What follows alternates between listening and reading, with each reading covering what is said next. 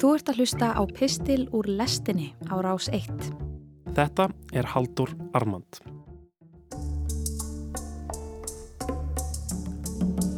En þá brennur mér í muna Meir en okkur skildi gruna Að þú gafst mér undir fótinn Fyrir sunnan fríkirkjuna Fórum við á stefnumótinn Ég var í einum af mínum daglegu sóttkvíjar göngutúrum við sjóin fyrir helgi þegar ég mætti tveimur stelpum sem ég kannaðist aðeins við.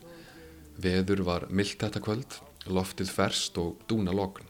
Hafflöturinn myndi á bráðið silfur og esjan var tegnarlegi fjarska eins og óurleg hafalda sem stendur frosinn í tímanum. Ég var í miðju símtali með heyrnatóli eironum svo ég leit á stúlkurnar og heilsaði með því að nikka brosandi höfði. Þær voru á hægri göngu, svo litið eins og þær flitu áfram eftir göngustíknum, glæsilegar til fara, önnur í köplóttum buksum og hinn í glansandi kápu og þegar þær brostu fallega og liftu höndinni gætilega til að veifa mér í sama mund og við mættumst, fannst mér skindilega eins og heil heimur opnaðist fyrir mér.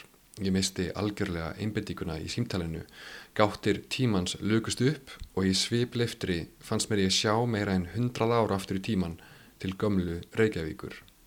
Þetta var svona moment beint upp úr Milan Kundera sem skrifaði allan sinn ódöðuleika út frá einni hreyfingu sem hann varði vitni að á sundlugarbakka í París.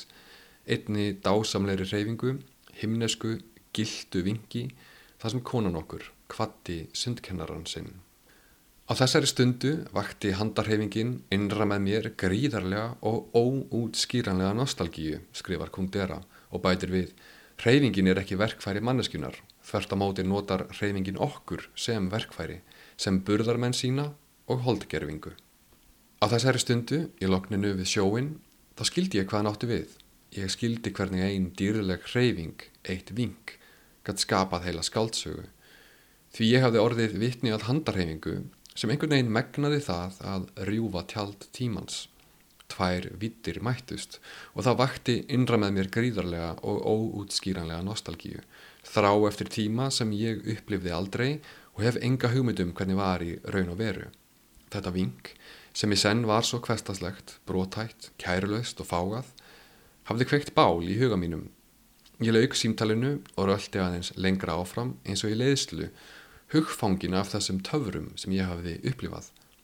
En dreif mig síðan heim Ég varð að komast í ofvitan eftir Þorberg Þorlason vegna þess að þessi upplýfting mín, þessi óútskýranlega nostalgía, þetta fyrirvara lausa vitaflak sem vingið kallaði fram, átti rót sína þar.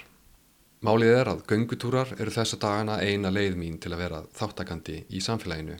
Ég fer út og labba lötur hægt um bæin, alveg eins og stelpunar sem ég mætti, þær svifu áfram eins og tvær fjadrir í gólu og vinir mínir og fólkið í kringum mig er líka alltaf úti í hægum göngutúrum.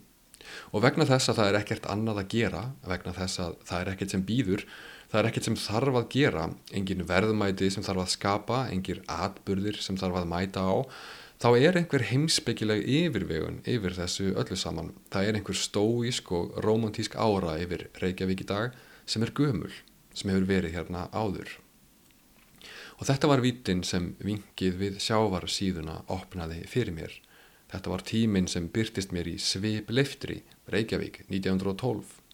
Þetta var heimurinn sem ég sá inn í, heimur þar sem ungir reykvíkingar fóru út að spásera samar hingin aftur og aftur á kvöldin til að sína sig og sjá aðra. Heimur sem ég hafði fyrst fengið nasasjón af á síðum ofvitans og eimdi ennþá af í minni mínu. Svo þegar ég kom heim fann ég bókina í hillu og byrjaði að fletta og viti menn, þarna var þetta á síðu 182. Aðra stundir urðum við svo jafnvægis litlir af að stara á þessar prúðbúnu fylkingar óhandsamanlegra kvenna marsjera fyrir hugskottsjónum okkar að við þrifum hatt okkar og staf og sendumst út á stræti borgarinnar, skrifar Þorbergur. Ímist tveir og tveir, stundum þrýr og þrýr. Við áttum alltaf vist að sjá nægan forða af spásserandi kvennbyrðum niðri á rúndinum ekki einstaklinga, heldur heilan lager. Í þá daga voru til tveir rúndar, minni rúndur og stærri rúndur. Minni rúndurinn var kringum Östurvöll, en stærri rúndurinn var frá norð-vesturhorninu á Hótel Ísland, láð þaðan söður aðarstræti, austur kirkjustræti, niður póstustræti og vestur austurstræti að aðarstræti.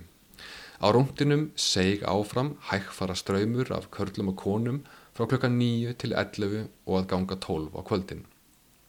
Sumir virtust leggja þangað leiðir sínar til að lifta sér upp úr heimilis andleysinu, aðrir í því skyni að staðfesta yfirbörði sína í fatasamkeppni, nýr hattur, splunkunýtt forklæði, marrandi blankskór. Ég leitaði á tímarit.is og fann þar þessa lýsingu Ívars Guðmundssonar á rúndinum sem byrtist í lesbók Mokkans árið 1990. Tvíbrarnir Ást og Sorg gagn tóku okkar ungu og saglausu hjörtu til skiptis og þar urðum við fyrir fyrstu alvarlegu niðurlægingu lífsins er meðbyðill leiti á burt hann eða hana sem við þráðum mest að leiða sjálf á rúndinum okkar góða. Ó gamla Reykjavík, allt í einu sá ég þig. Þegar allir túristarnir voru farnir heim, allar Airbnb íbúðirnar til sölu, lundabúðirnar læstar, gödurnar tæmdar, vinnuvélarnar þagnaðar og skarkali markaðarins horfin, þá þurfti ekki nema eitt vink og þá sá ég þig. Allt í einu var mér feikt meira en hundrað ár aftur í tíman til ársins 1912 og þarna stend ég í lækjargötu og sé hvernig hægfara ströymurinn líður vestur austurstræti í húminu, það berst skraf og skeggræður, lófar leiðast gætilega, falleg klæði bylgjast í vindinum, hattar teknir ofan, bergmálandi skóhljóð, gerfir svipir og augnagótur, skuggar sem lóna við kirkjugarðin, hlátur við tjörnina, ungur maður við hljómskálan brítur heilan um eitthvað áhugavert að segja og kvillar síðan Ég býðiður gott kvöld. Ég sá allt fólkið sem var hérna á undan okkur, allar okkar formæður og feður sem gengum með titrandi hjörtu án afláts í ringi um miðbæin, aftur og aftur, í leitað ást, í leitað hlýju, í leitað gleði, í leitað lífsfyllingu og von í köldum litlum bæ við sjóin, alveg eins og við all gerum, munum gera og höfum gert. Ég var ekki að lappa rúndin, ég var við sjóin og það var ekkert romantíst við vingi sem ég fekk. Þetta voru bara kunningjar að heilsast. En það rann upp fyrir mér að kannski sé hinn eina sanna romantík Reykjavíkur falinn í nákvæmlega þessu. Hennar gamla sál, hennar langa saga er varðveitt í vingi, ugnagótum og hægum ströymi eftir strætunum. Eða eins og Þorbergur skrifar Öll andleg viðskipti þessa fólks á rúndinum fóru fram á eins konar táknmáli. Það var fallegt mál sem við lögðum mikið kapp á að skilja og okkur tókst að skilja það sent og síðar meir eftir langa göngu í þennan þunga kvöldskóla lífsins. Og kannski er þetta eitt af óvæntu tækifærunum sem hinn bannvæna plága beri sínum eitruður lofum. Þegar samfélagið stöðvast skindilega, þegar heimurinn er í handbremsu og hverju lægi markaðarins af öðru er flett ofan á borginni eins og laug, þá sjáum við að lokum, mögulega, kannski, inn í heita kvikuna. Hvað er Reykjavík? Hvað er undir öllum þessum nýju hótelum og fókdýru íbúðum, stemningsveitingastöðum og alþjóðlegu tískubúðum? Og ekki bara Reykjavík heldur allir bæir, allir staðir. Hvað eru þeir? Hvað kemur í ljós þegar leikritið hættir skindilega, peningavílinn stöðvast, hagvöxturinn hverfur? Farðu út að lappa, í ringi til að skrafa og skeggræða, til að sína þig og sjá aðra og þú skilur að þú ert sjálf afrakstur svona lappitúrs. Þessar dölarfullu reikvísku augnagotur, þessi leiftrandi brós, þessi gætilegu ving eru það sem sköpuðu þig og fóröldraðina ömmur þínar og afa. Hvað er Reykjavík? Svarið er að þú ert Reykjavík. Sál hennar er varðveitt í líkama þínum og hún byrtist skindilega þegar þú lítur í augu kunningi át á götu og veist ekki hvað átt að segja. Svo þú liftir höndinni varlega og brosir. Þú ert orðin að verkfæri hreyfingarinnar, eins og kungdýra myndi segja. Þú ert burðar maður hennar og holdgerfingur. Og það sem gerist er að tíminn sjálfur fellur saman frammi fyrir henni eilífu sál. Hvar ertu nú, Þorbergur? Ég sé þið fyrir mér í baðstofunni þinni á skólaverðustíki tíu, rauðherðan og grannvaksinn spóalegg í gödótum skóm. Ungt skáld sem býr í kamessi undir súð og þú klóraðir í kollinum, kjamsandi á rúbröðsneið og horfir upp í dökkan næturhiminin í leitað Siriusi sem þið longar svo að fá að sína elskunni þinni.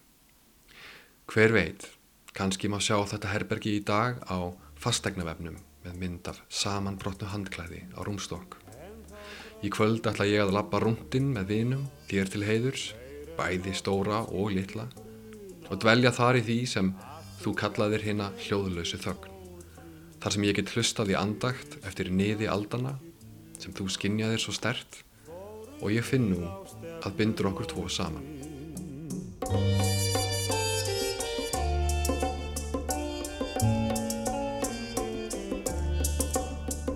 En ég var bara eins og gengur Ástfangin og saklaus drengur Með söknuði ég seitna fann Að við hefðum getað vakað Þú varst að hlusta á Haldur Armand, nýr pistill frá Halduri, hljómar á hverjum þriðu degim í lestinni á rás 1. Ef þú fílaðir þennan pistil og vilt heyra meira, getur gerst áskrifandi að lestinni hér í hlaðvarpsappinu þínu. Rás 1 fyrir forveitna.